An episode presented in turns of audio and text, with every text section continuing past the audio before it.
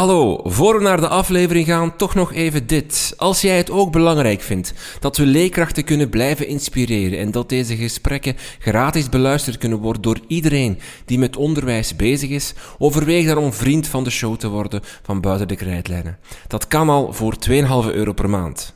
Als vriend van de show help je ons om meer en betere afleveringen te maken.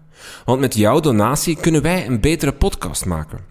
Zo kunnen we tijd creëren om langer aan afleveringen te werken, meer experten aan het woord te laten en zo nog meer leerkrachten te inspireren.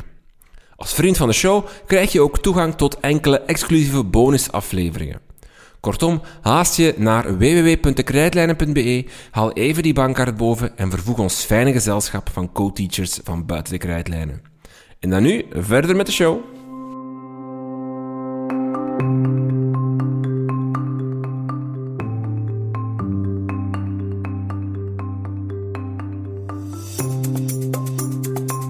Hallo en welkom bij Buiten de Krijtlijnen. Mijn naam is Rinke van Hoek en dit is uw podcast over onderwijs.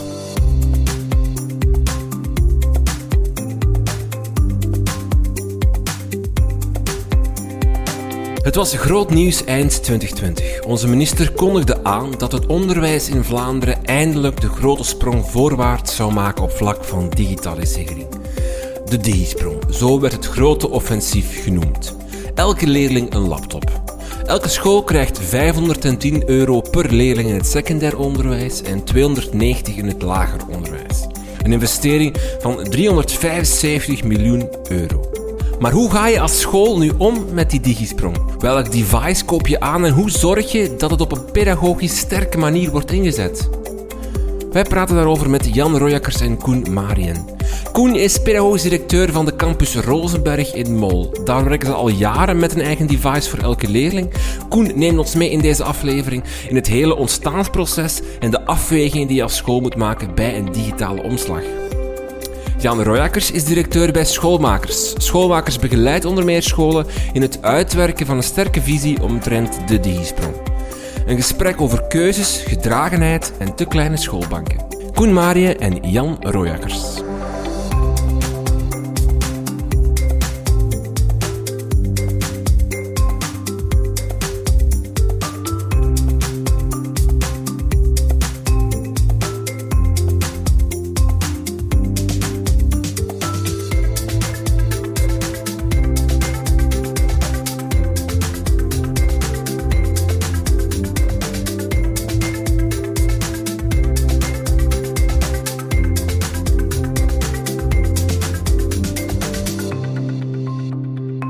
Welkom uh, Koen en Jan, welkom in de, in de podcast. Uh, de Digisprong. Uh, hoe moet je er als school mee omgaan? Dat is een beetje de vraag van de dag. Misschien eerst even kort, kan een van jullie twee uitleggen wat de Digisprong inhoudt? Exact. En dan wordt er naar Koen gekeken. Heel snel. Ja, uh, de Digisprong is een initiatief van het Vlaams ministerie van Onderwijs, um, waar al jaren gebleken is dat er binnen scholen toch wel een, een, een, tekort is aan digitale middelen en dat daar toch ook een duidelijke achterstand um, merkbaar is in het Vlaamse onderwijs. Um, voor alle duidelijkheid, het gaat over leerplichtonderwijs. Um, en waar uh, minister Wijts besloten heeft, misschien mede door wat er uh, gemerkt werd tijdens de eerste lockdown, tijdens uh, COVID, dat er toch meer nood is aan meer toestellen. Um, om scholen budget te geven om toestellen voor leerlingen aan te kopen. Dat heeft zich uiteindelijk vertaald in een vast bedrag per leerling, afhankelijk van uh, welk onderwijsniveau je zit. Um, die centen zijn gestort. Ja, gaat over 510 euro voor een leerling in het middelbaar en 290 in het lager onderwijs. Ja, en dan is er nog een, een klein deel daarvan wordt geacht om uh, voor de infrastructuur van de school, of je kan die ook gebruiken om je, je internetverbinding te optimaliseren. Dus ja, dat zijn de bedragen. Totaal van 375 miljoen euro, zegt het uh, administratie. Ja, dat is een smak geld. En dat is eigenlijk, om, om even praktisch gewoon, dat is gewoon, dat werd aangekondigd en bij ons spreken, een maand later stond het bam op de rekening? Um, je kan het zo gek niet bedenken, maar zo is het effectief gegaan. Dus gewoon op het aantal leerlingen dat je toen had, dat werd maal die, uh, jij doet uh, middelbaar onderwijs, dus maal die 510 gedaan. En hup, het was in orde. Ja, het is wel in, uh, in twee sessies uitbetaald. Dus uh, het ene schooljaar heb je de helft, heb je uh, ik moet ervoor liegen, heb je, heb je gekregen voor de leerlingen die in 1, 2 en 3 zaten. En het uh, volgende schooljaar krijg je dan uh, het resterende bedrag. Misschien nog een belangrijk element, ik weet niet of het helemaal klopt, maar de, er is een tijdsdruk. Je moet het gebruiken binnen de twee jaar. Ja, samen, samen, met, met Digisprong is een deel van, van Digisprong. Er zijn een aantal pijlers. En een van de pijlers is een kenniscentrum dat ook opgericht is. En uh, zij hebben een, een, een, website tot nu uh, waar je wel alle, alle modaliteiten makkelijk in kan terugvinden in veelgestelde vragen. En er is inderdaad uh, er is een termijn waarbinnen dat je de bedragen moet spenderen en ook verantwoorden. Dus, Jan, jullie werken met schoolmakers, met scholen samen om die digisprong te begeleiden. Merk jij iets van die tijdsdruk dat dat speelt bij scholen? Dat er een soort van stress is rond van we moeten hier wel heel snel een plan gaan bedenken om, die, om iets te doen met die uitgaven, uh, met, die, met die, dat geld dat we gekregen hebben? Uh, grote stress daarom niet, maar inderdaad wel de laatste scholen die nog moesten wakker schieten op vlak van die digitalisering, die zijn nu ook wel echt wakker geschoten. Um, het is volgend schooljaar dat die middelen zeker geïnvesteerd moeten worden. En dus scholen die, in tegenstelling tot de school van Koen bijvoorbeeld, helemaal nog niet goed wisten van waar ze naartoe wilden gaan met die digitalisering, die zijn nu wel uh, in gang geschoten. En dus aan het nadenken van, ja, oké, wat betekent dat voor onze school? Uh, welke investering willen wij doen, want wat hebben we voor ogen? Ja, want dan is op zich gaat het over een periode van twee jaar dat je erover kan nadenken, vooral je moet iets doen met dat, uh, met dat geld, als ik juist ben.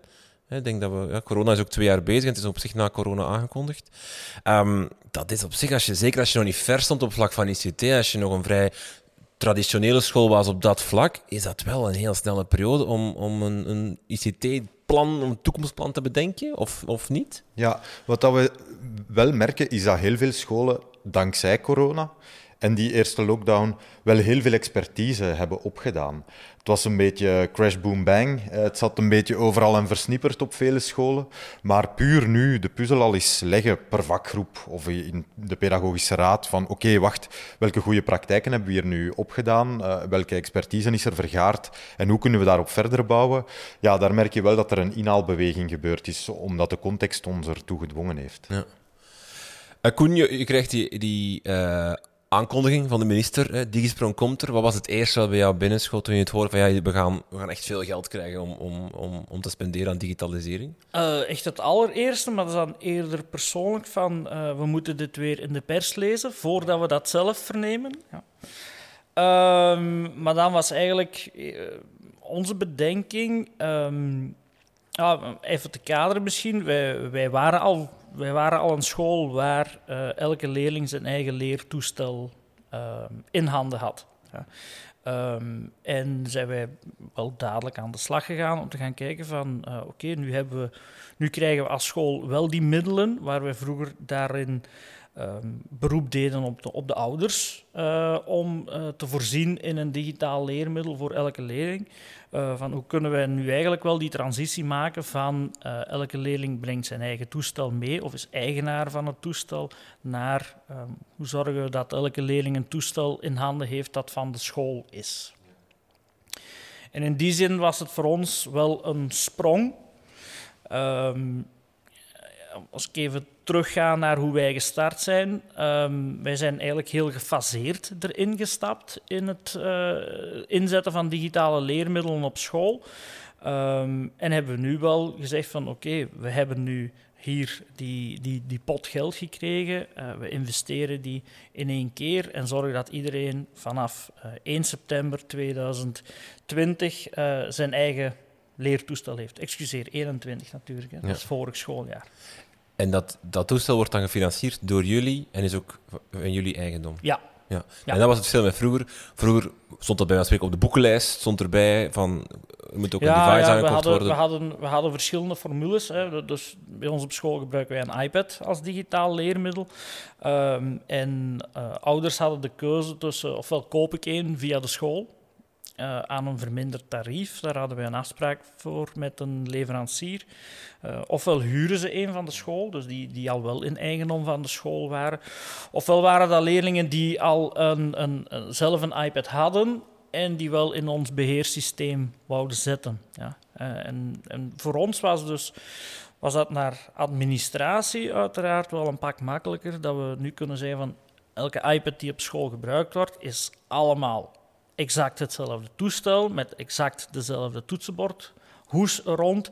En ze zijn allemaal van school en vallen allemaal onder dezelfde verzekeringsmodaliteit. Jan, vanuit jouw expertise, is dat voldoende geld voor scholen die minder ver staan in dat, proces? Van, van... Wel, de middelen voor Digisprong dienen inderdaad wel echt geïnvesteerd te worden in waartoe ze bestemd zijn, zijn de digitale leermiddelen. Maar scholen die hun eerste stappen nog dienen te zetten, die gaan toch ook wel op zoek moeten gaan naar, ja, oké, als wij hier nog een visie, moeten, visie rond moeten gaan ontwikkelen en onze leerkrachten ook nog verregaand gaan professionaliseren, dan gaan we ook wel andere budgetten hierop moeten afstemmen, zoals het professionaliseringsbudget bijvoorbeeld. Um, ja, en dan dient wel gekeken te worden hoe die puzzel volledig kan gelegd worden, hoe visie en strategie ontwikkeld kan worden, het professionaliseringsbeleid daarop kan afgestemd worden, de schoolorganisatie kan herbekeken worden en zullen middelen geclusterd moeten worden. Ja.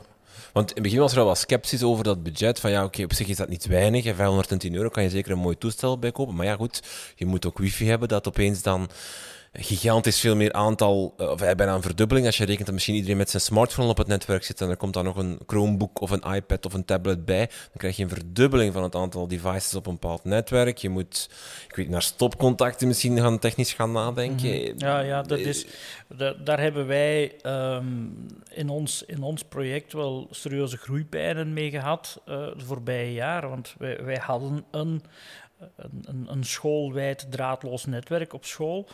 Um, en de, we zijn gefaseerd gestart met een digitaal leermiddel op school. Dus, um, dus daarom dat ik digisprong ook niet zo fijn vind. Ik zou liever een digitrap zien, bijvoorbeeld. Dat je dus um, in stapjes je hele school verdigitaliseert.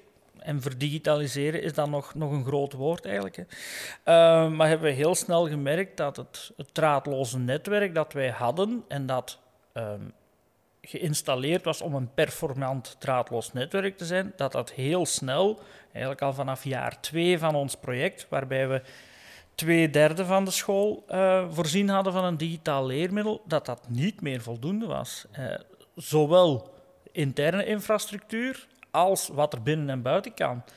Um, en dat zijn, ja, de meeste scholen gebruiken nu nog, denk ik, een huistuin en keuken. Uh, internetverbinding van de gekende providers, ja, dat is niet meer voldoende. Hè. Als, je met, als je op een campus zit van 5, 600 leerlingen, 1000, 1500 leerlingen. Ja, ik merk ook dat scholen daar ja, logischerwijs afspraken rond gaan maken rond bijvoorbeeld het opladen van die devices met hun leerlingen. Uh, soms dient dat thuis te gebeuren, wat dat dan ook weer een meerkost voor thuis meebrengt. En in sommige regio's, sommige wijken, in grootsteden bijvoorbeeld, is dat echt wel niet zo evident om dat er ook nog eens bij te vragen.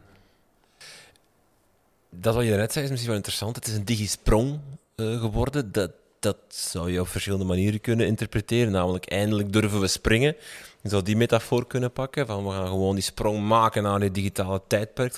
Maar het heeft misschien ook wel iets van een beetje blind springen, zo niet goed weten waar we landen en, en we moeten de sprong maken alsof je bijna geduwd wordt of zo. Het zijn zo verschillende invalshoeken die je daarin kan maken. En jij sprak over, ik zou liever een trap nemen dan eigenlijk moeten springen. Um, wat, voor, wat voor gevoel brengt het bij jullie bij het feit dat, die sprong daar staat in, in dat woord? Ja, ik volg ook wel Koen. Uh, sowieso het feit dat we digi springen maakt dat sommige scholen op sommige vlakken stevig tegen de grond gaan kwakken en ook niet altijd een sprong voorwaarts hebben gemaakt. En dus is het echt wel belangrijk dat we vinger aan de pols hadden, of dat elke school dat voor zichzelf doet en heel goed tussentijds evalueert van wacht, zijn we hier nog wel wenselijk in de wenselijke richting aan het gaan?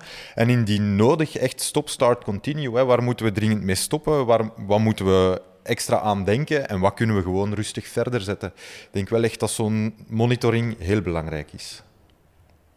Ja, ik sluit me daarbij aan. Um, het is... Uh, je noemt de metafoor van de trap. Uh, een ander iets. Uh, ik heb een, een, verleden als leraar geschiedenis. Ik heb niet veel, nooit veel over revoluties gesproken waar weinig slachtoffers bij vallen. Um, en ik zou veel liever een evolutie zien uh, in hoe dat je omgaat met digitalisering in onderwijs.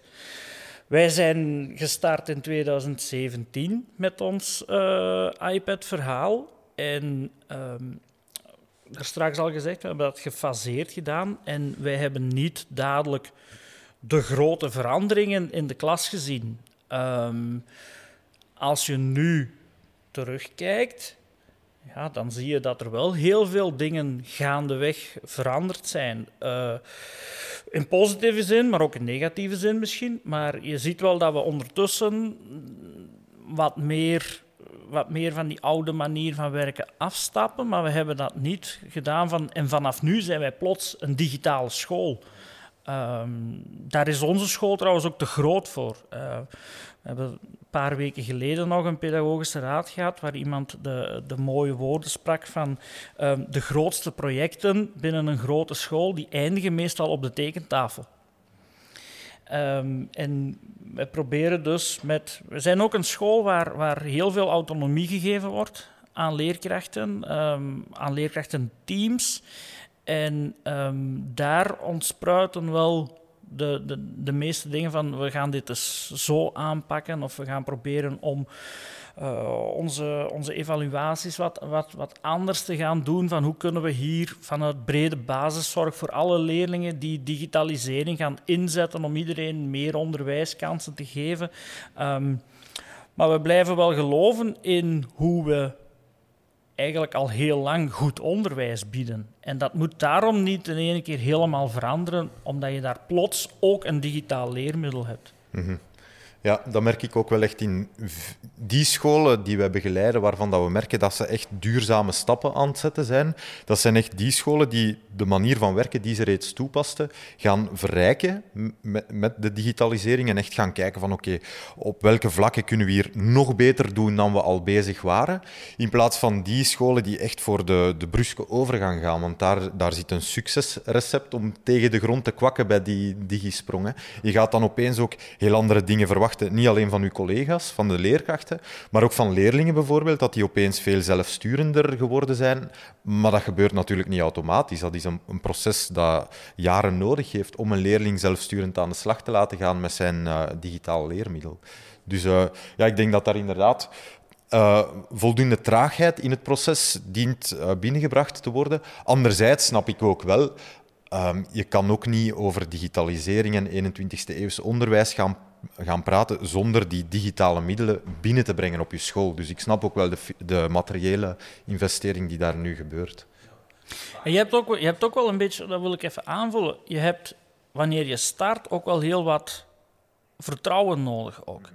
Um, ik herinner mij nog goed dat ik half, halfweg het eerste jaar, um, dat ik bij mezelf dacht van, oei, zijn we hier nu eigenlijk wel goed mee bezig? Um, want ik zie precies niet veel veranderen. En ik hoor wel eens um, ouders of leerlingen zeggen van zo... Goh, ik heb die iPad meegebracht naar school vandaag en ik heb daar bijna niks mee moeten doen. En dan begin je bij jezelf wel te denken van... Oei, zijn we hier te snel geweest of niet? En ik heb toen mezelf voorgenomen van... Ik ga daar niet zelf naar op zoek, naar die vraag. Maar die opmerkingen zijn gaandeweg wel verdwenen.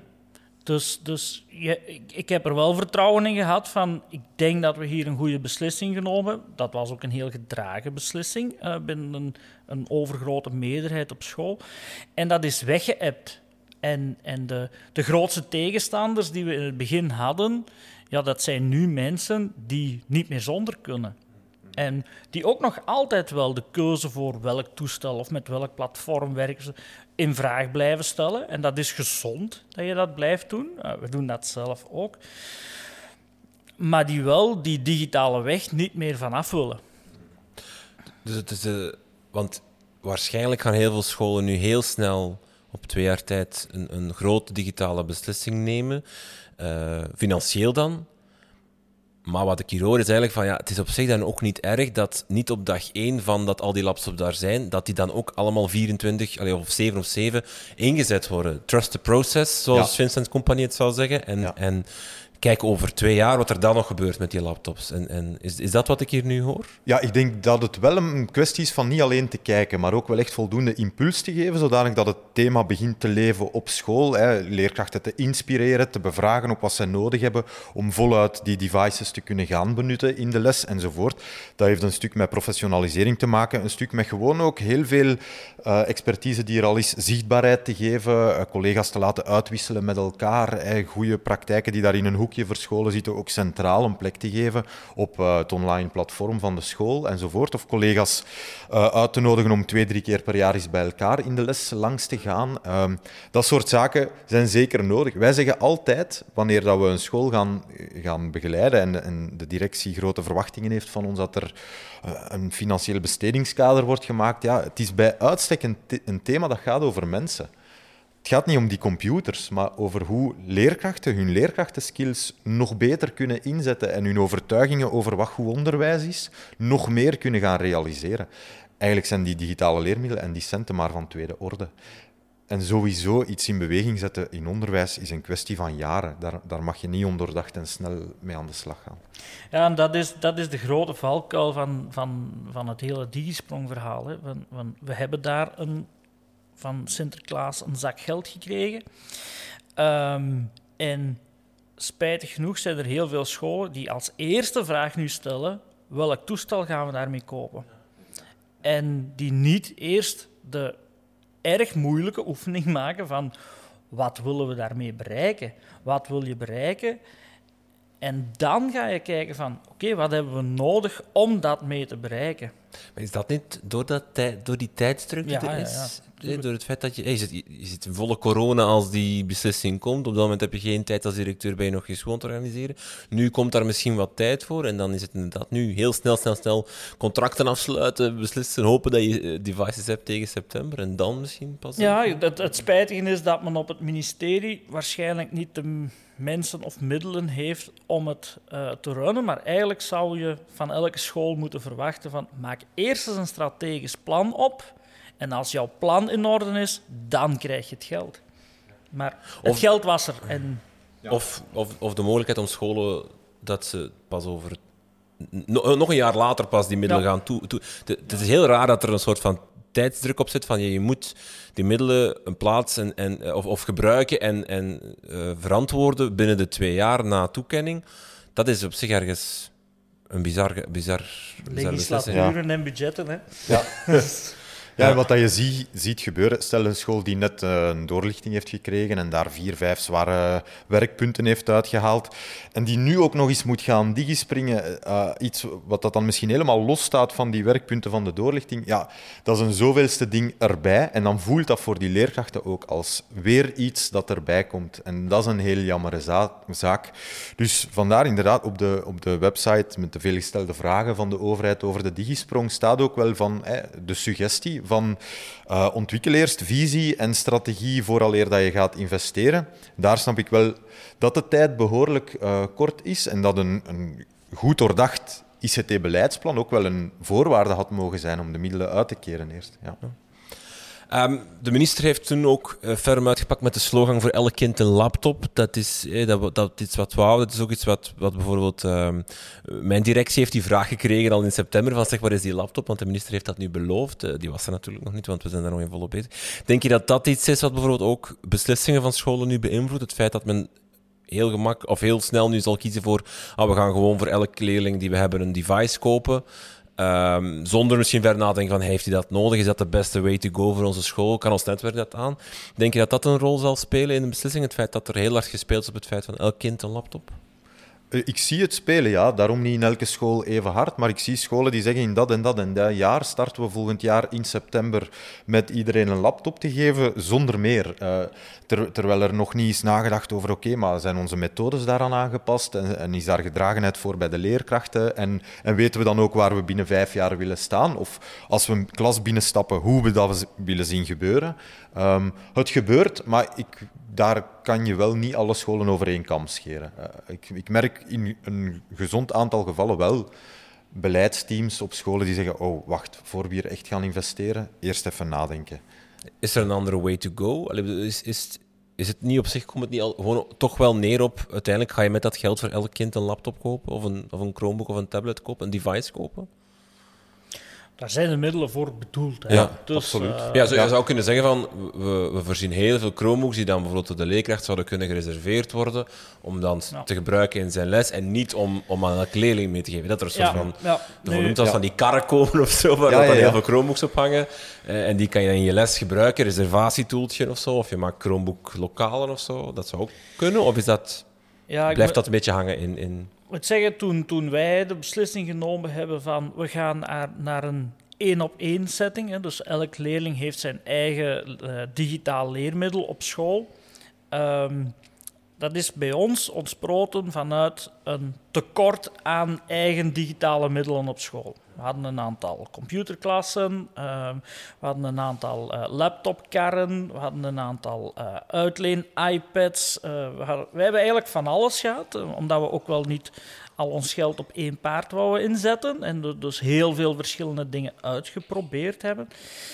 Maar er bleef die nood van, eigenlijk is het beter dat een leerling het digitaal middel waar hij in de klas mee werkt, ja, moet hij dan eh, daarop in de klas op inloggen? ehm, als dat ding dan uit een kar zou komen of zo, en dan, dan heeft hij dat thuis niet meer ter beschikking. Eh, of het volgende uur moet dat weer naar iemand anders en dan eh, is dat meer onderhoud voor de ICT-diensten. En daarom dat wij eigenlijk, voordat we besloten hebben van het wordt een iPad, hebben wij besloten van het wordt een digitaal leermiddel dat elke leerling elke dag mee naar school brengt en elke dag mee naar huis neemt. Dat is heel interessant om te horen. Hè. Als wij scholen of kernteams begeleiden, dan gaan wij ook eerst kijken van hoe ziet uw leeromgeving er nu uit? Gewoon heel factueel, feitelijk. Uh, hoe ziet, ziet de leeromgeving er ook thuis uit bij de leerlingen? Um, en dan die gewenste situatie binnen vijf jaar in een meer gedigitaliseerde context. Maar eigenlijk zelfs eerder, hoe gaat de samenleving er binnen vijf jaar uitzien waar wij onze leerlingen op aan het voorbereiden zijn? Uh, en dus, hoe dienen wij hen daarop voor te bereiden? En welke rol speelt digitalisering er dan in? Om dan te gaan kijken, en dus, hoe dient onze leeromgeving er uh, op school uit te zien, maar ook bij de leerlingen thuis? En hoe kunnen wij onze invloed daarop zo maximaal mogelijk waarmaken? Um, en ja, daar zie ik het wel passen ook binnen het bredere, de bredere visie van de Vlaamse overheid. Hè. Vla Vlaanderen is een kenniseconomie om zoveel mogelijk leerlingen, zoveel mogelijk toegang tot zoveel mogelijk kennis, hè, internet enzovoort aan te bieden. Ik zie het wel passen in dat plaatje. Um, ja. Misschien een stomme vraag, maar zou het als school ook te verantwoorden zijn om te zeggen van jongens, dat, heel dat digisprong, houd je geld maar, wij doen niet mee het is te veel druk, het is te snel, het is, het is een sprong die wij niet willen zetten. We, wij voelen geen gedragenheid binnen ons schoolteam. Hou die geld maar, wij doen gewoon voort hoe wij bezig Of we hebben andere katten te geestelen dan nu een die-sprong uit te werken. Wij doen, pak, hier, we storten het terug. Je zou als school wel heel veel ballen hebben als je dat doet. dus nee, jullie, dus je hebt dat niet gehoord of zo? Het is niet dat er scholen zijn... Ik heb dat je... nog niet gehoord. Nee. Ik zou, als dat echt vanuit een heel sterke overtuiging is, hè, een school kan beter een visie hebben dan geen visie, en heel overtuigd van, kijk, daarom en daarom en daarom vinden wij het een meerwaarde om niet te digitaliseren de komende maand, jaren, of die middelen niet te gebruiken, ja, het kan een piste zijn. De light versie zie je wel al. Hè? Scholen die nu zeggen van, wij springen nog niet... En we wachten echt tot, het, tot de, de, de deadline dat de fondsen moeten, uh, moeten gespendeerd zijn. Om wel die oefening te maken van is het voor ons, is voor ons het op de kolen waard? Van um, wat gaan we ermee doen? En eigenlijk nadat heel die visie ontwikkeld is, dan zijn van hoe gaan we die middelen spenderen? En dan zou het maar even kunnen zijn, want dat mag je, dat je als school zegt van nee, we investeren dat allemaal in computerklassen op school. Er is geen nood dat elke leerling zijn eigen toestel heeft dat hij dagelijks mee naar huis neemt. Um, die duurzaamheid, het, we duurzame beslissingen nemen. Op zich zijn deze middelen nu goed voor die vier jaar die je kan gebruiken? Of voor, het, is op zich ook beperkt in de tijd. Het is niet dat je elk jaar dat geld gaat krijgen, die 500 en zoveel uh, per leerling. Um, wat daarna? Hoe, hoe, moet je als school daarmee omgaan? Allee, want ik, ik, kan me wel voorstellen, je nu zegt van oké, goed, we kopen nu voor iedereen een laptop, ik heb daar geld voor. Goed, die laptops gaan niet eeuwig mee. Op een gegeven moment heb ik geld nodig om nieuwe laptops te kopen. Is dat iets dat je direct moet meepakken nu al in je beslissingsproces? Van, van... De huidige minister heeft daar de volgende minister wel alvast belast met, uh, om met die knoop om te gaan. Hè. En ja, het wenselijke scenario is echt wel dat er binnen vier, vijf jaar een gelijkaardige schijf klaar staat, of toch een schijf die een gelijkaardige uh, investering door scholen kan Maar die onzekerheid, daar moet je nu wel mee omgaan. Het is wel iets dat je... Het kan zijn dat je zegt van, oké, okay, we hebben een laptop, dat gaat vier, vijf jaar mee, we kunnen dat doorgeven aan de leerlingen, wij dan spreken. Um, en dan daarna heb je een heel beleid uitgewerkt, je leerkrachten werken daarmee, die, dat is onmisbaar geworden in de klas. En dan opeens moet je gaan zeggen tegen de ouders, ja, nu moet jij het kopen, sorry. Dat kan een realiteit zijn dus. Dat kan, zolang dat die middelen niet decretaal verankerd zijn uh, en niet in, steen gebeiteld staan, dat scholen daar om de zoveel jaren recht op hebben, is ja. dat nu nog inderdaad wel een onzekerheid. Ja. Um, gedragenheid. Dat is wat, wat, waar het al, wordt al een paar keer gevallen. Ook bij jullie was het een zeer gedragen beslissing, Koen, om, om, om te gaan werken met een, een device voor elk, um, elke leerling. Niet van dag één, hè? Nee. Maar dat is misschien het verschil inderdaad, of was mijn, dat is mijn vraag. Die digisprong die is er gekomen van bovenaf. Er is gezegd van we moeten digitaliseren. Corona heeft het ook wel duidelijk gemaakt en misschien ook wel bij heel veel leerkrachten um, die, die nood gekweekt of zo. Maar de vraag is wel, hoe creëer je gedragenheid voor iets waar dat, dat je eigenlijk dat, die, dat niet bottom-up komt, dat, dat, dat niet op de werkvloer misschien ontstaat. Ik kan me wel voorstellen dat er scholen zijn waar dat er misschien bij 80% van het personeel waarom moeten wij een laptop hebben, jongens? Dat gaat er toch allemaal goed met dat krijtbord en, en, en, en beamer? Wat heb ik hier nu een laptop nodig in de klas? En opeens is daar, komt daar heel veel geld binnen en komt er misschien een schoolbestuur en een directie en een minister zeggen ja, je moet nu laptops gaan kopen. Hoe creëer je dan gedragenheid bij een top-down beslissing? Een heel lange vraag die dat kort toch samengevat kon worden. Maar goed. Ja, wat ik scholen zie doen en, en wat dat wij soms wel doen hè, bij, bij directies of pedagogische raden die zeggen hm, onze collega's, ze zouden niet eens weten hoe dat ze eraan moeten beginnen, er is nog geen grote gedragenheid enzovoort. Uh, daar gaan wij aan de slag eerst om een, een kader te gaan creëren waarbinnen dan mensen in eerste instantie geïnspireerd kunnen geraken. En weten waar zou een mogelijke meerwaarde voor mij kunnen liggen? Zo is, is er één schoolgemeenschap waar we nu een traject mee doen, waar wij een zes à zevental inspiratiemomenten van één uur uh, voor voorzien. Dat gaat dan echt over hoe kan je digitaal differentiëren of formatief evalueren of leerlingen digitaal meer laten samenwerken enzovoort. Um, en van die zes, zeven momentjes die maar een uur duren, uh, telkens met een half uur input en een half uur overleg in breakout rooms, worden de leerkrachten uitgenodigd om er twee of drie uh, te volgen. En daarna worden ze bevraagd op waar zit volgens jullie nu de meerwaarde van die digitalisering. Dus eerst wordt er ja, zuurstof geboden en, en inspiratie. Vooral eer dat mensen het gevoel krijgen van uh, ik word hier vastgezet, ik moet hier vanaf 1 september de helft van mijn lessen digitaal gaan geven of, een, een device gaan benutten. Uh, kader en inspiratie, ik denk dat dat een eerste stap is, dat mensen mee keuzes mogen maken, ook wel, binnen krijtlijnen. Ja. We hebben uh, toen, toen wij in, in 2016, 17 dat schooljaar gestart zijn, hebben wij uh, in de loop van het eerste trimester de beslissing genomen wat het zou worden. En hebben wij ervoor gezorgd dat uh, het hele tweede semester van dat schooljaar elke leerkracht een iPad had. Ehm, leerlingen dus nog niet.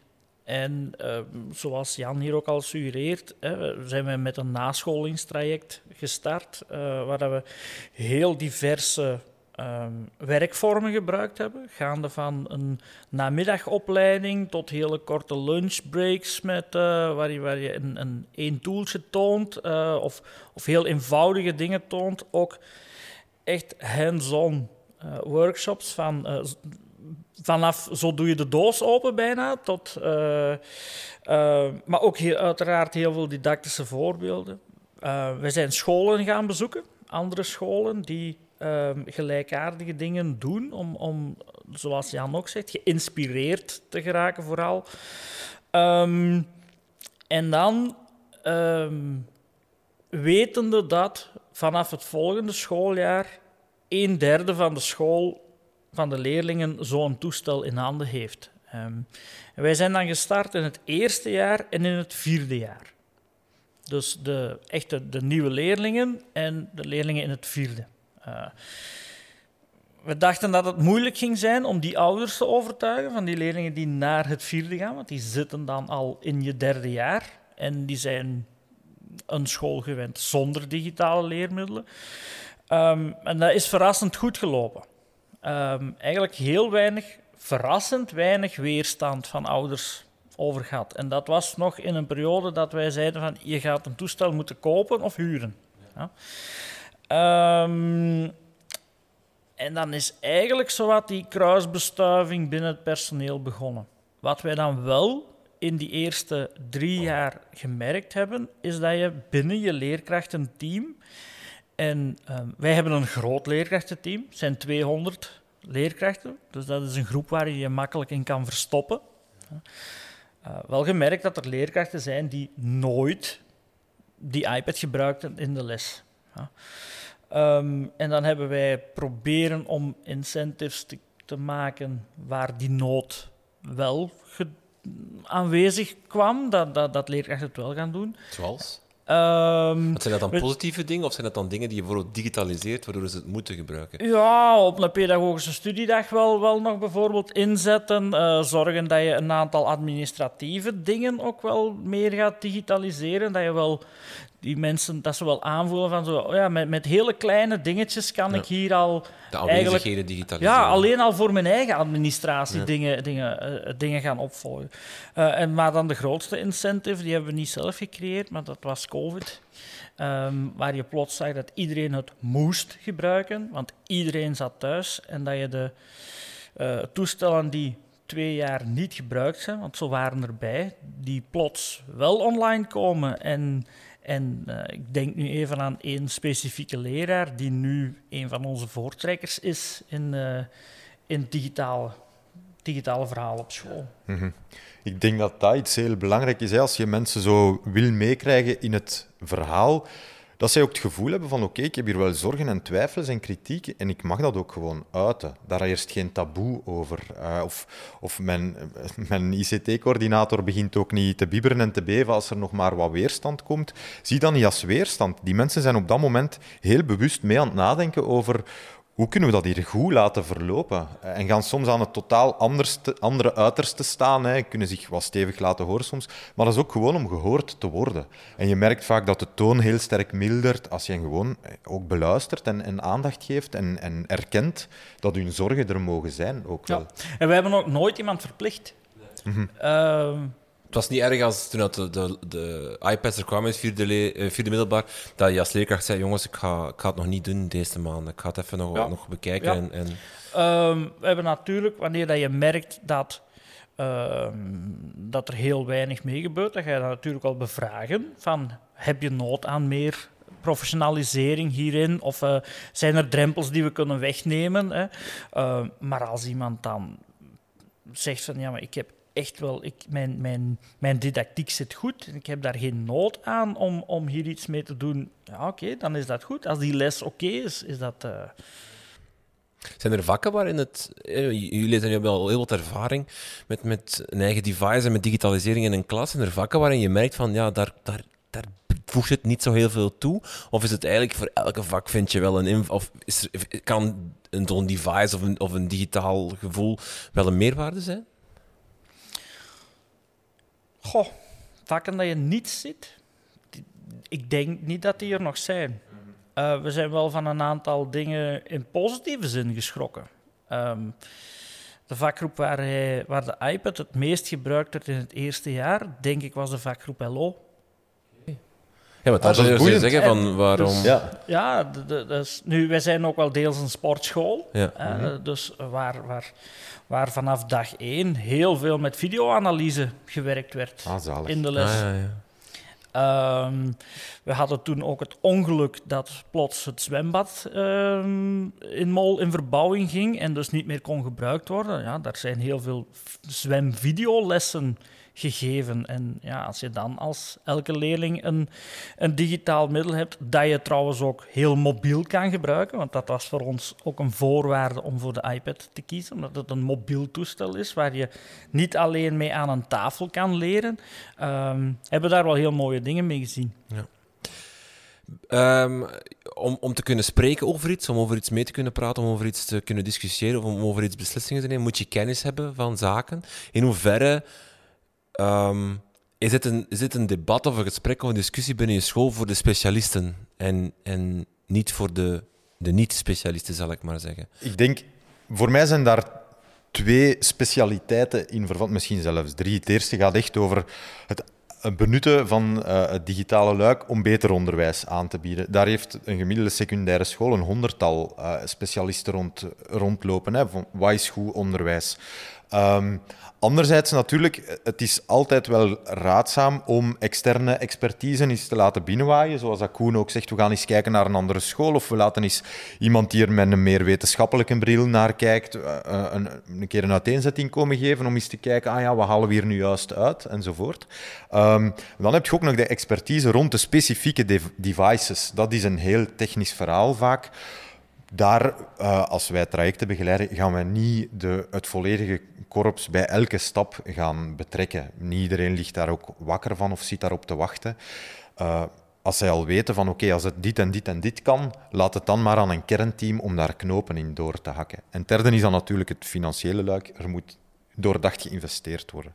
Zo kijk ik ernaar alvast. Maar ik kan wel voorstellen dat bijvoorbeeld, stel de vakgroepvoorzitter Frans is helemaal niet digitaal geletterd, uh, is nog iemand weg met het krijtje aan boord en die kent heel veel van de tools niet die er zijn, dus ziet ook geen meerwaarde om dat te gebruiken en dat er dan iemand anders, eh, een jonge leerkracht Frans of iemand die wel digitaal geletterd is, die kent heel veel tools die kan gebruikt worden in Frans, van Quizlet tot weet ik veel wat allemaal.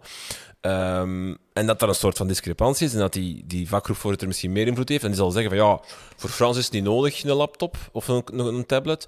En omdat hij eigenlijk niet met genoeg kennis spreekt, is dat een soort van gevaar dat kan, kan ontstaan? Die, ja, dat kan ontstaan, voor alle duidelijkheid. Ja, ja, zeker. Ook jonge collega's met um, frisse, jong oud, dat is misschien niet juist, hè, want op zich valt er geen leeftijd op te plakken hè, op, op digitalisering of, of digitaal geletterd zijn. Maar een kernvraag om je, om je als beleid te stellen is, waar zit er rond dit thema onze gouden eieren op school, die we verder moeten gaan uitbroeden. Sowieso zijn er al een paar leerkrachten heel mooie dingen rond aan het doen. En dan is het de vraag, hoe, krijgen we die, hoe geven we die voldoende aandacht, zodanig dat die, die hun uh, expertise ook gedeeld kan worden. En hoe krijgen we bijvoorbeeld die jonge leerkracht Frans, die daar al mooie dingen doet, uh, ja, misschien ook wat uh, geëmancipeerd of empowered om ook zijn dingen te delen en, en een forum te kunnen bieden om, om in contact te treden en anderen te kunnen inspireren. Ik moet zeggen dat wij heel sterk daarin geholpen zijn door buiten onze schoolmuren te gaan kijken. Um, wij Vlamingen zijn, um, zoals we bij ons in de streek zeggen, geen stoefers.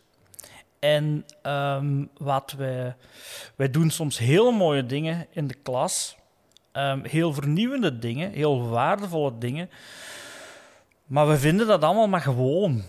En als je dan de baan op gaat en eens naar een school in Nederland gaat, waar ze soms denken dat ze het warm water uitgevonden hebben. Uh, waarmee ik absoluut niet denigrerend wil doen over de scholen die wij bezocht hebben, want we hebben hele mooie voorbeelden gezien.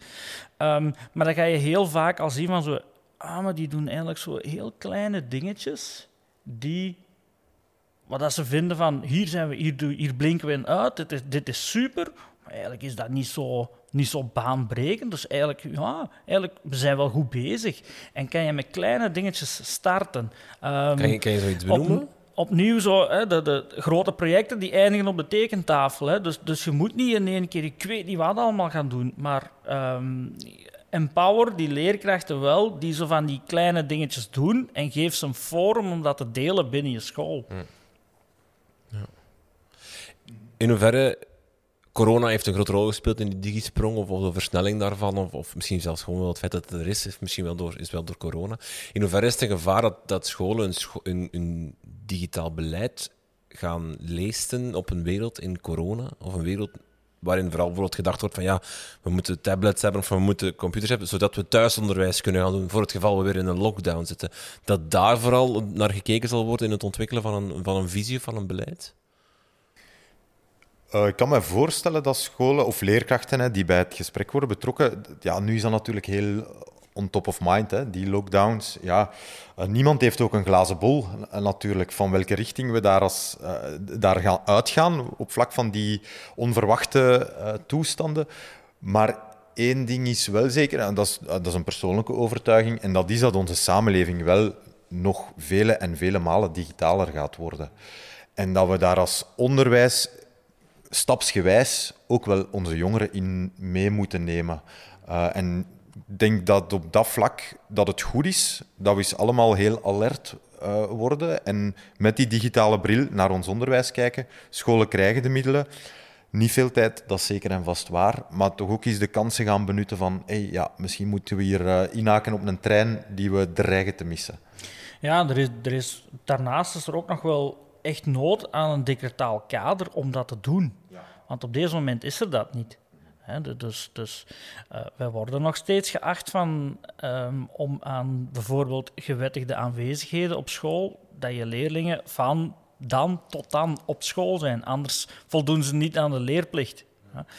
Uh, en daar moet een kader rond gecreëerd worden. Wij hebben vooral, vind ik dan, in de eerste lockdown heel veel geleerd rond hoe bereik je leerlingen op afstand, maar vooral ook hoe laat je leerlingen zelf hun leerproces bepalen. Uh, we hebben destijds in de eerste lockdown heel resoluut gekozen voor contractwerk. Um, dus, dus niet met vaste lesmomenten en dergelijke, maar wel met uh, ja, mensen uit het lager onderwijs verklaren met zot dat ik dat ga uitleggen wat contractwerk is, want die kennen dat allemaal, maar in het secundair is dat niet zo evident. ja. um, en, en daar hebben wij wel heel snel achteraf van gezegd van laat ons alsjeblieft de dingen dat we daar heel waardevol in vonden, in gaan borgen. We zien ik heb, ik heb leerlingen gesproken achteraf, um, en dat vooral uit onze sterkere ASO-richtingen, die zeiden van, meneer, alsjeblieft, verveel ons niet meer en laat ons niet acht uur per dag nog naar school komen. Ik vond dat zalig om mijn eigen tempo te bepalen. Um, en ja, en ik had voldoende toegang tot een leerkracht, zeg het dan via afstand, om mijn leerproces daarin te begeleiden. Uh, en daar willen wij heel erg zoeken naar hoe kunnen we zo een onderwijs bieden op maat van iedereen. Uh, ik, vond, ik vond jouw aflevering over uh, ICT in de, in de toekomst van het onderwijs. Uh, daar zaten heel veel utopische ideeën in, maar ik denk dat we daar wel naartoe gaan voor een groot ja. stuk. En ik... en, maar daar moet dus wel eerst dat wettelijk kader ook nog ja. voor gecreëerd worden. Want ja. daar gaan we in teruggefloten worden anders. Ja, ik denk net zoals dat corona nu ergens een sense of urgency had gecreëerd om daarmee bezig te zijn, denk ik dat er nog wel andere pijnpunten in het onderwijs zitten die ons misschien gaan leiden naar een nog uh, meer doorgedreven benutting van de digitalisering. Um, ik denk bijvoorbeeld aan infrastructurele zaken bij arbeidsmarktgerichte studierichtingen. Um, ja, echt heel specifieke uh, apparaten en machines en weet ik veel wat allemaal. Ja, uh, sleutelen aan een Tesla, dat is sleutelen aan een computer, dat is niet meer sleutelen aan een dieselmotor uit de jaren 80.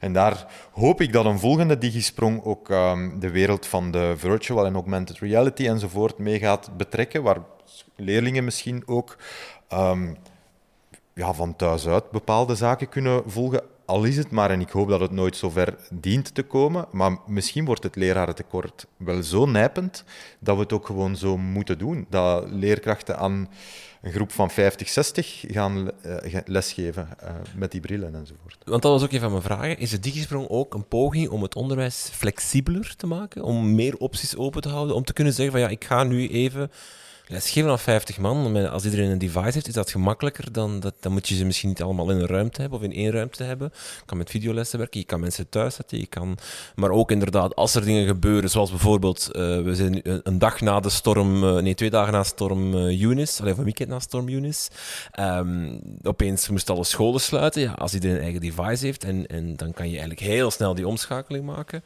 Is dat, is dat ook een poging om, om, om dat die digitalisering, flexibilisering met zich meebrengt? Ik weet niet of dat, dat een bewuste poging is. Het biedt wel nieuwe opties. Uh, dat merk ik wel heel duidelijk. Er is ook het project iLearn vanuit de Vlaamse overheid, waarbij uh, ja, scholen eigenlijk op een platform terecht kunnen waar heel veel apps en tools uh, gratis toegankelijk zijn. En wat ik daar een grote meerwaarde vind, is dat je daar leersporen kan ontwikkelen, waarbij leerlingen echt regelmatig tussentijds geëvalueerd worden en worden toegeleid naar wat op dat moment voor hen heel sterk van toepassing is. Hè. Daar benut je ook nog die uh, artificial intelligence voor een deel en, en, en de, alle data die gegenereerd worden door dat systeem. Dus dat soort zaken brengt wel echt flexibiliteit met zich mee. Want een lesuur hoeft dan voor de ene leerling, allez, hoeft niet meer voor de twintig leerlingen van één klas een lesuur Frans te zijn. Op bepaalde momenten, wat dat je ook al in de eerste graad met flexuren enzovoort ziet gebeuren, uh, ja, kunnen leerlingen daar vooral aan het werken zijn aan die leersporen die op dat moment voor hen relevant zijn. Koen, hebben jullie bij jullie gemerkt op school, door het feit dat iedereen een device had, dat, dat er meer flexibiliteit kwam in... in... Ja, ja, ja, uiteraard. Hè. Um, we merken dat nu nog dagelijks. Het is dan opnieuw wel door COVID, hè, maar um, bij ons staat nu sinds, sinds de kerstvakantie staat elke les um, die in het lesrooster staat, die staat ook als afstandsles in, in, in ieders agenda. En iemand die niet op school geraakt omdat hij in quarantaine zit of omdat. Dus die, die, die volgt gewoon, als het kan, de les van thuis. Um, waar wij vroeger heel veel klassen in de studie zetten als een leerkracht afwezig is, kan het zijn dat die, uh, die klas nu dan in een ander lokaal zit om een afstandsles te volgen. Of dat we zeggen van uh, jullie mogen deze namiddag naar huis, want uh, we gaan jullie niet drie uur hier in de studie laten zitten voor dat laatste lesuur. Dus, dus we organiseren nu de rest van de schooldag thuis. En dat begint stilaan ingeburgerd te geraken. Um, uiteraard is dat niet iets dat je doet met 11- en 12-jarigen. Maar we, we, zien daar wel flexibiliteit komen bij die, bij die oudere leerlingen en ook wel bij die, bij die collega's die daar lesgeven. Zeg, Mag ik ook een vraag stellen, Rinke? Want dat interesseert me nu heel sterk. Uh, Koen, hoe merk je dat uh, leerlingen daarmee omgaan? De leerlingen waar dat je dat op toepast? Heb je het gevoel van als die een dag worden, of een halve dag worden thuisgezet met bijvoorbeeld dat contractwerk, nemen ze dat werk even sterk ter harte als wanneer ze op school zouden zitten? Ja, op deze moment doen we dat dan niet met... Uh, we schakelen niet plots naar contractwerk. Hè. Ah, ja, dus, okay. dus we blijven wel een, een gewone les houden, hè, maar die les gaat dan van thuis door. Ja. Uh, we proberen dat ook wel uh, niet in de loop van een dag te doen, maar dat je, we hebben de afspraak dat, dat, je, in, dat je in de loop van de namiddag uh, kan je wel bericht krijgen dat je de dag nadien later op school moet zijn. Um, al dan niet met een afstandsles. We, je kan in de voormiddag nog wel bericht krijgen dat je in de namiddag thuis bent. Nu, wij recruteren nogal ver, hè, want wij hebben, een, wij hebben een, een, belangrijke sportafdeling op school, waar leerlingen van eigenlijk helemaal, de, de, de als je de treinsporen volgt, uh, komen. Um, we, gaan er wel, we kunnen er wel niet van uitgaan dat als we nu beslissen van um, het, het, lesuur binnen anderhalf uur, dat volg je van thuis, ja, dan kunnen we er niet van uitgaan dat iedereen zomaar thuis is. Uh, maar het kan wel zijn dat er leerlingen daarvoor op school blijven en anderen al wel naar huis gaan. Nu, dat, dat zijn. Um, dat is niet zo spectaculair uiteindelijk, hè, want dat is dezelfde les dan die je gewoon in de klas zou volgen. Want die, die leraar heeft niet plots een heel andere les. Um, waar we wel al van begin van uh, de coronacrisis um, um, als tip meegeven, is, ik heb dat via via geleerd, gaan kijken naar hoe men in Groenland al heel lang les geeft. Um, ben er nog nooit geweest, maar het is daar nogal onherbergzaam. En um, weinig leerlingen komen daar effectief naar de school. Dus daar hebben ze eigenlijk al een decennia lang um, ervaring met leerlingen die thuis onderwijs volgen. En sinds enkele jaren is dat daar ook heel erg gedigitaliseerd geworden. En ehm, zijn er dus methodieken ontwikkeld om een effectieve afstandsles te geven. En ehm, dat zijn geen spectaculaire dingen, maar dat zijn wel dingen die we aan onze leerkrachten meegeven. Begin met een korte instructie, uh, geef dan leerlingen even tijd om dat te verwerken, voorzie dan een feedbackmoment. Um, en dan kan je weer terug een instructie geven. Dat, dat zijn geen spectaculaire dingen, maar dat zijn wel tips die een leraar kunnen helpen om een les te ontwerpen die heel snel kan schakelen tussen heb ik hier nu 10 leerlingen voor mij zitten, of heb ik hier die hele klas van 24 voor mij zitten, of heb ik hier niemand voor mij zitten. Fantastisch, hè? Want dat, is, ja, dat zijn sowieso krijtlijnen voor ja, goed onderwijs. Nu, nu, het klopt, dat is fantastisch, maar uh, wij beseffen ook wel heel erg wat voor een druk dat, dat op ons personeel ligt. Want uh, dat, dat constant moeten schakelen, ehm, dat, dat blijft niet werkbaar. Maar we zouden dat wel graag borgen in ons onderwijs. Dat we dat structureel erin brengen. Ja. Je hebt mensen geïnspireerd. Uh, er, is, er is op zich een gedragenheid gecreëerd van ja, kijk, we moeten hier een device gaan hebben. Dan komt toch dan die vraag, die nu misschien al als eerst gesteld wordt, maar uiteindelijk toch ooit beantwoord zal moeten worden. Wat kies je? Ga je voor, jullie hebben voor, voor iPads gekozen, je kan ook Chromebooks pakken, je kan uh, gewone uh, Dell laptops nemen, je kan van alles doen. Hoe, hoe, hoe, ga je daarmee, hoe ga je aan de slag in dat mijnenveld of in dat ja, gigantische keuze van, van mogelijkheden? Uh, ik weet niet hoe dat Koen de keuze heeft gemaakt. hoe wij ehm, scholen daarin begeleiden, is eerst te komen tot die, die visie. Allee, of eerst, zaken gebeuren ook tegelijkertijd uiteraard. Hè, want zo te lineair gaan denken, daarmee misloop je ook kansen. Maar om echt te gaan kijken aan welke voorwaarden of welke kenmerken willen we dat die devices hebben. Uh, en dan echt een lijstje maken van, van een vijftal criteria waar heel veel mensen zich in vinden, waar heel veel vakgroepen naar verwezen hebben als dit is voor ons echt belangrijk, dit moet het kunnen. En dan gewoon met een kernteam een paar vertegenwoordigers laten komen van die firma's of aanbieders die op papier sowieso al sterk scoren. En, en het uh, ja, ervaren uh, in een half uur online meeting bijvoorbeeld. En dan beraadslagen, oké, welke van die drie, vier heeft ons nu het meest kunnen overtuigen? Um, dat is een manier om dat te doen. Ja. Koen, hoe hebben jullie het aangepakt? Hoe, is, hoe zijn jullie tot die iPad gekomen? Ja, um, eigenlijk in onze, onze, onze visie, de, onze visie op, op onderwijs, um, die is opgebouwd bij ons op school uit een aantal kernvragen, een tiental. En een van die vragen is: uh, gaan wij vooruitstrevend om met nieuwe ontwikkelingen in het onderwijs? En eh, dat, dat, dat zit in ons DNA op school. En daaruit hebben we eigenlijk al een, een lange traditie van een beetje pionieren als het aankomt op digitale middelen. Ehm, ik weet nog toen ik begon als leerkracht uh, op, op, op de Rozenberg, was ik verbaasd om te merken dat in elk klaslokaal een projector hing.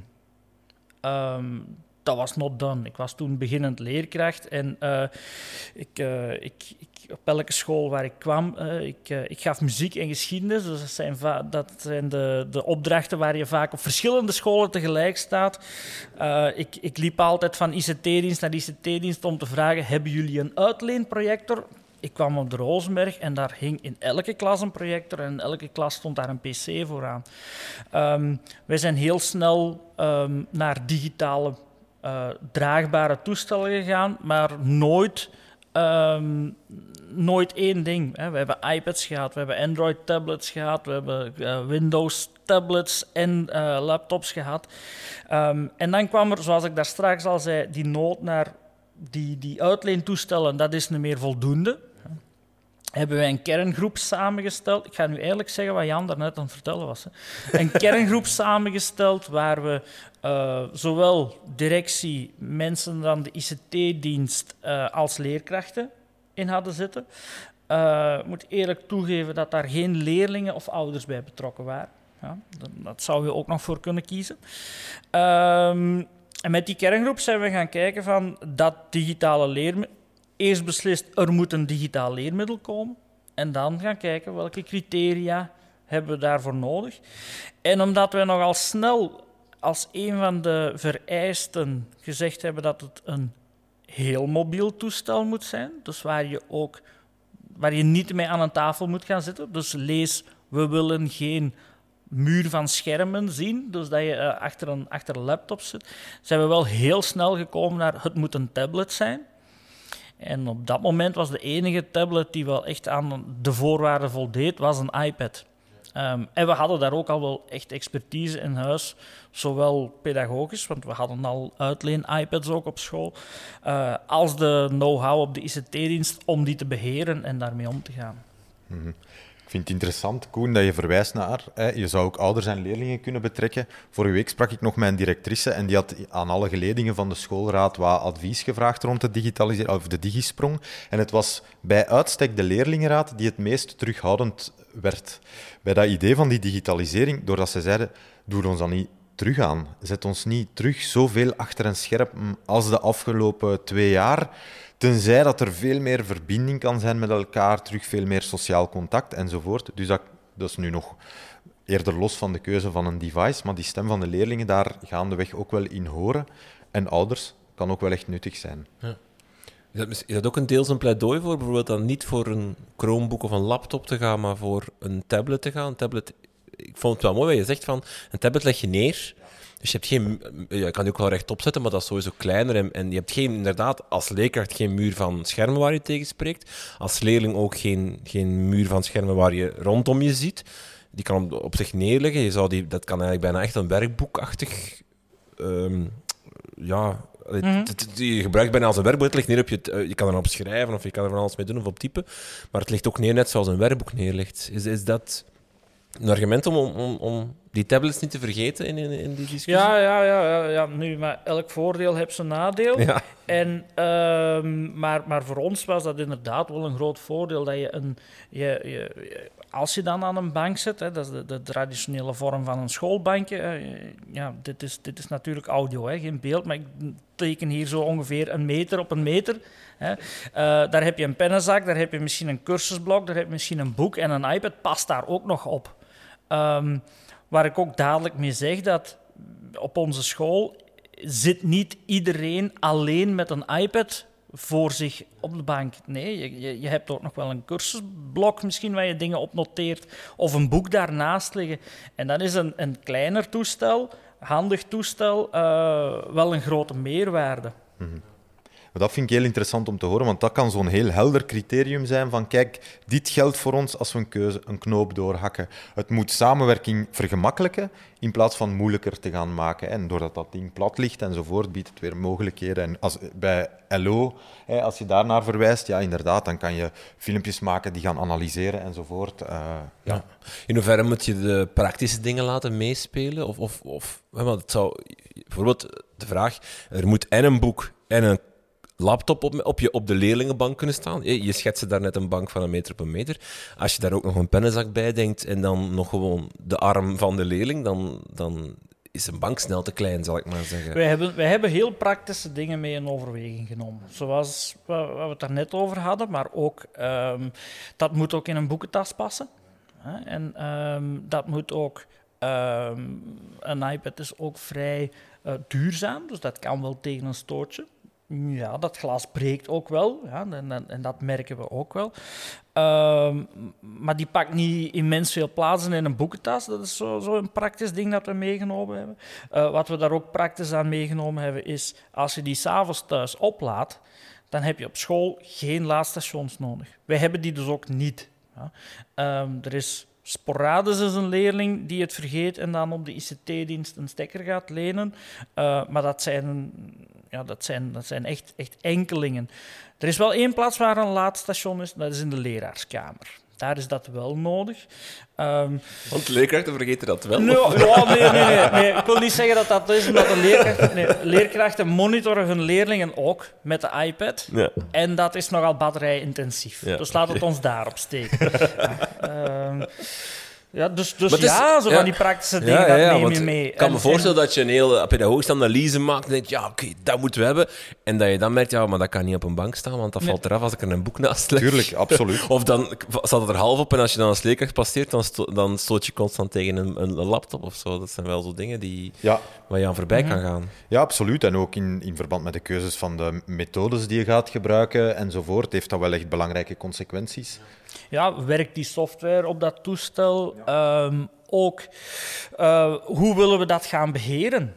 Want ehm, het is, je, kan, je kan wel toestellen uit, uitdelen, maar je moet daar ook wel nog altijd eh, als... Je, je blijft een school, dus je moet ook wel zorgen van... eh, kunnen we daar examens mee laten afleggen, bijvoorbeeld? Ehm, Blokkeer je bepaalde kunnen we, websites? Kunnen we leerlingen apps? die eh, problemen hebben met afleiding, kunnen we hen daarin helpen dat zij daar... ehm, dat het hun leren niet gaat belemmeren, want daar, moet je ook oog voor hebben. Ja. Eh, ook met zaken, zo, eh, om- omdat je dat nu zegt, hè, be- eh, blokkeer je bepaalde websites en apps. Ik, eh, in veel schoolreglementen lees je wat er verwacht wordt van leerlingen in het hoe zich te gedragen in het klaslokaal, bijvoorbeeld. Maar hoe gedraag je je in een online les, bijvoorbeeld? Dat zijn ook wel echt Ja, zaken om op door te denken. Als een leerling thuis de les volgt, verwacht je dan een even grote betrokkenheid? Als die dan niet vertoont, hoe spreek je die daarop aan? Gelden daar ook de gebruikelijke streepjes van Heel raar trouwens, om iemand... Ja. Bijvoorbeeld als er iemand onbeleefd is in een live chat, wat, wat wel gebeurt, zeker in het begin, omdat die leerlingen dat niet goed... Ja, Het is een totaal andere verbinding. Allee, ik bedoel, iets onbeleefd zeggen tegen jou face-to-face gebeurt niet zo vaak. Maar in een live chat of, of fel reageren of onbeleefd reageren, Ja. gebeurt wel omdat ze die, die, die afstand dan voelen. Mhm. En het is dan, vond ik heel raar om dan, dan te gaan reageren.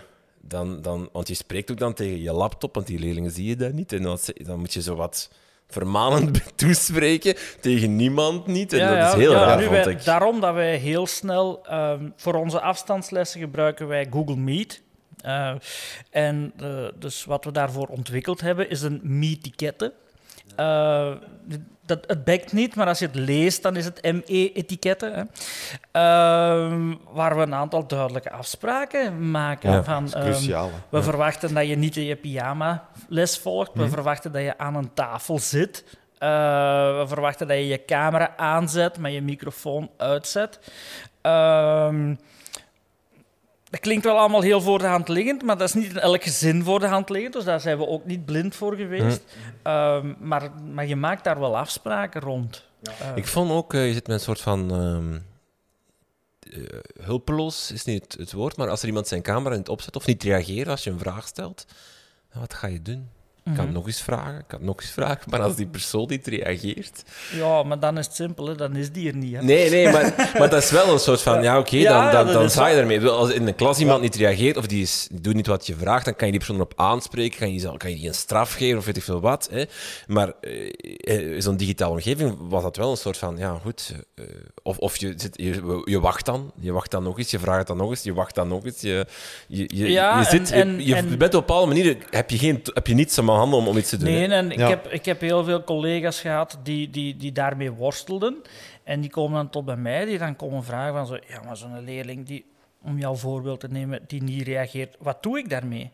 Eh, ja, wat zou je daarmee doen als die in jouw klas zat?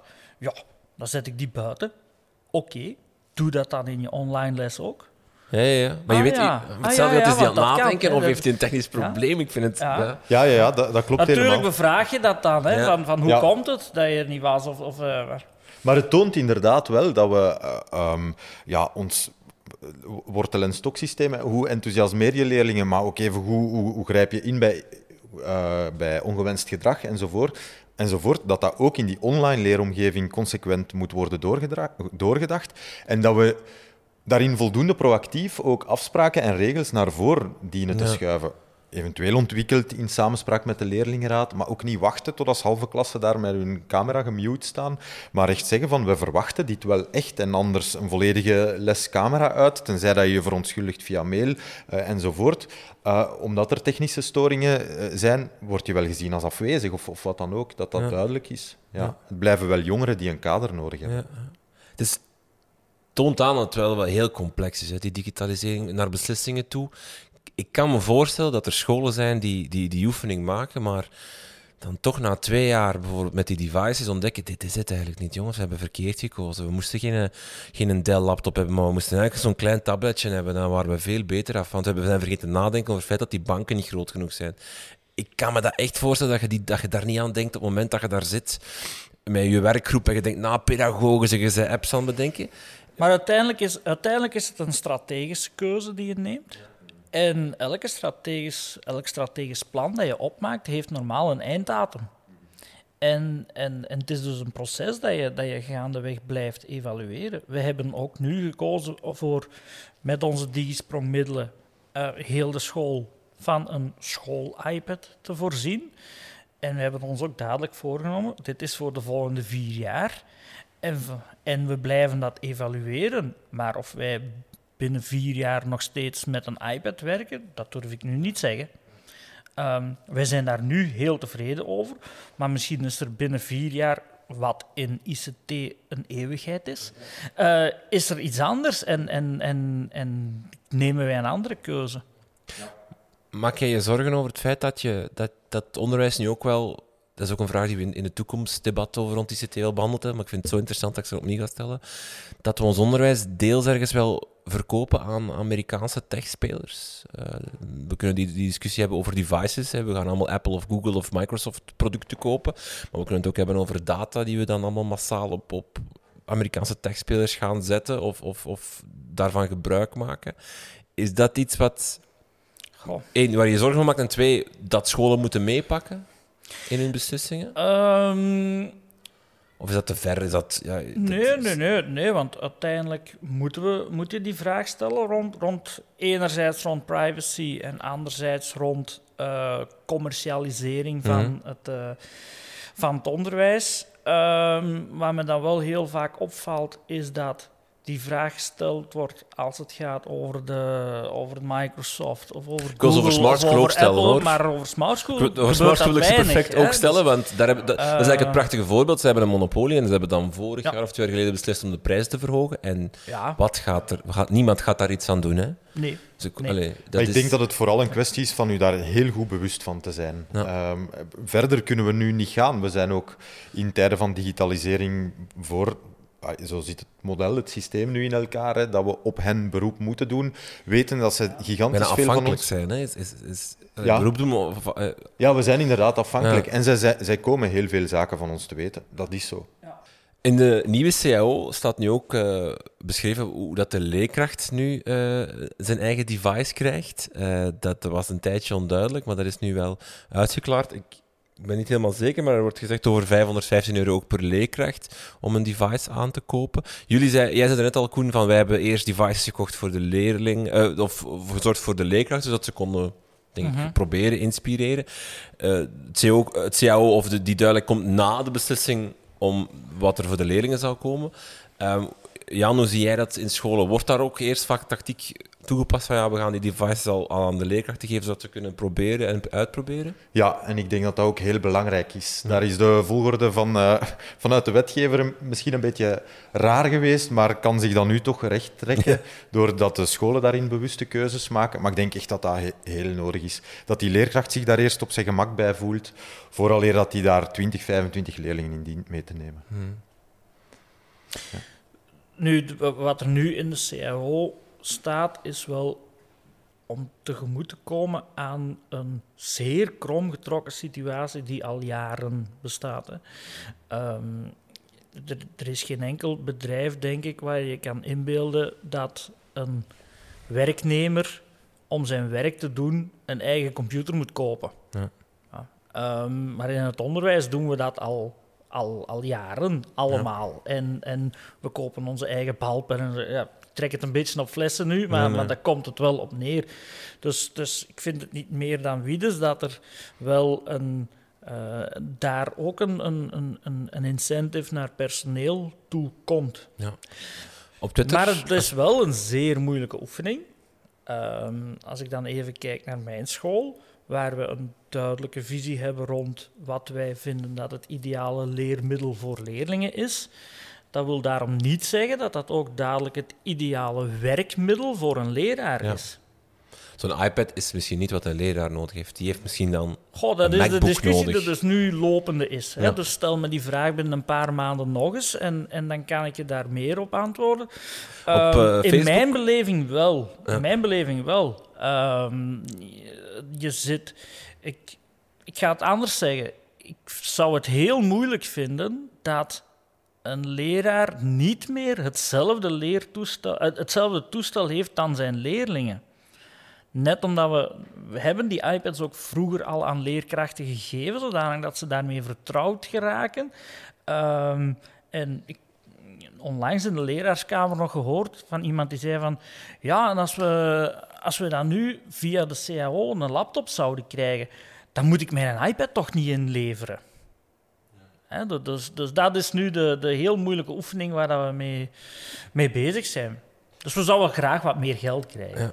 Ja. Op, op sociale media zei, suggereerde iemand waarom geven we niet die 515 euro gewoon aan de leerkracht en dan kan hij daar zelf mee Ook kopen dat is wat een piste die Ja, wij aan het ook. overwegen zijn. Want Ja, ja, niet elke leerkracht heeft nodig wat de andere nodig heeft. Ja, ik denk echt dat welke systemen ook worden toegepast, dat het voor een leerkracht niet als te betuttelend of bepalend mag overkomen. Want ik merk dat bij mezelf ook. Als leerkracht dan een paar jaar geleden, ik ging bijna automatisch voelen ik iets van weerstand als er te veel beslissingen voor mij werden genomen.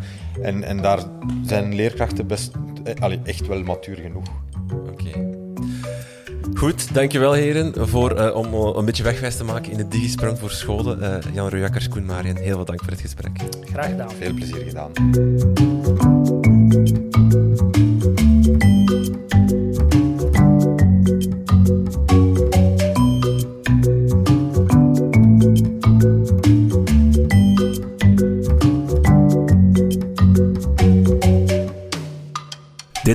Voor deze aflevering van Buiten de Krijtlijnen. Blijf op de hoogte van onze plannen en nieuwe afleveringen via Twitter, Facebook of Instagram. Een lijst van al onze voorgaande afleveringen vind je op www.dekrijtlijnen.be. Ook u kan helpen om deze podcast beter te maken en te ondersteunen. Dat doe je door vriend van de show te worden. Via onze website kan je vriend van de show worden en een donatie doen. Dat kan een eenmalige donatie zijn, maar dat kan ook op maandelijkse basis. Dan doneer je 2,5 euro per maand. Surf dus naar www.kredietlijnen.be en haal even die bankkaart boven en steun ons. Je krijgt dan ook toegang tot exclusieve bonusafleveringen. Je kan ook een recensie achterlaten in de Apple Podcast app. Dat is altijd leuk voor ons om te lezen, maar ook help je zo om anderen de podcast te vinden. Ook in Spotify kan je nu recensies achterlaten. Laat je volledig gaan. Dank voor het luisteren en tot de volgende.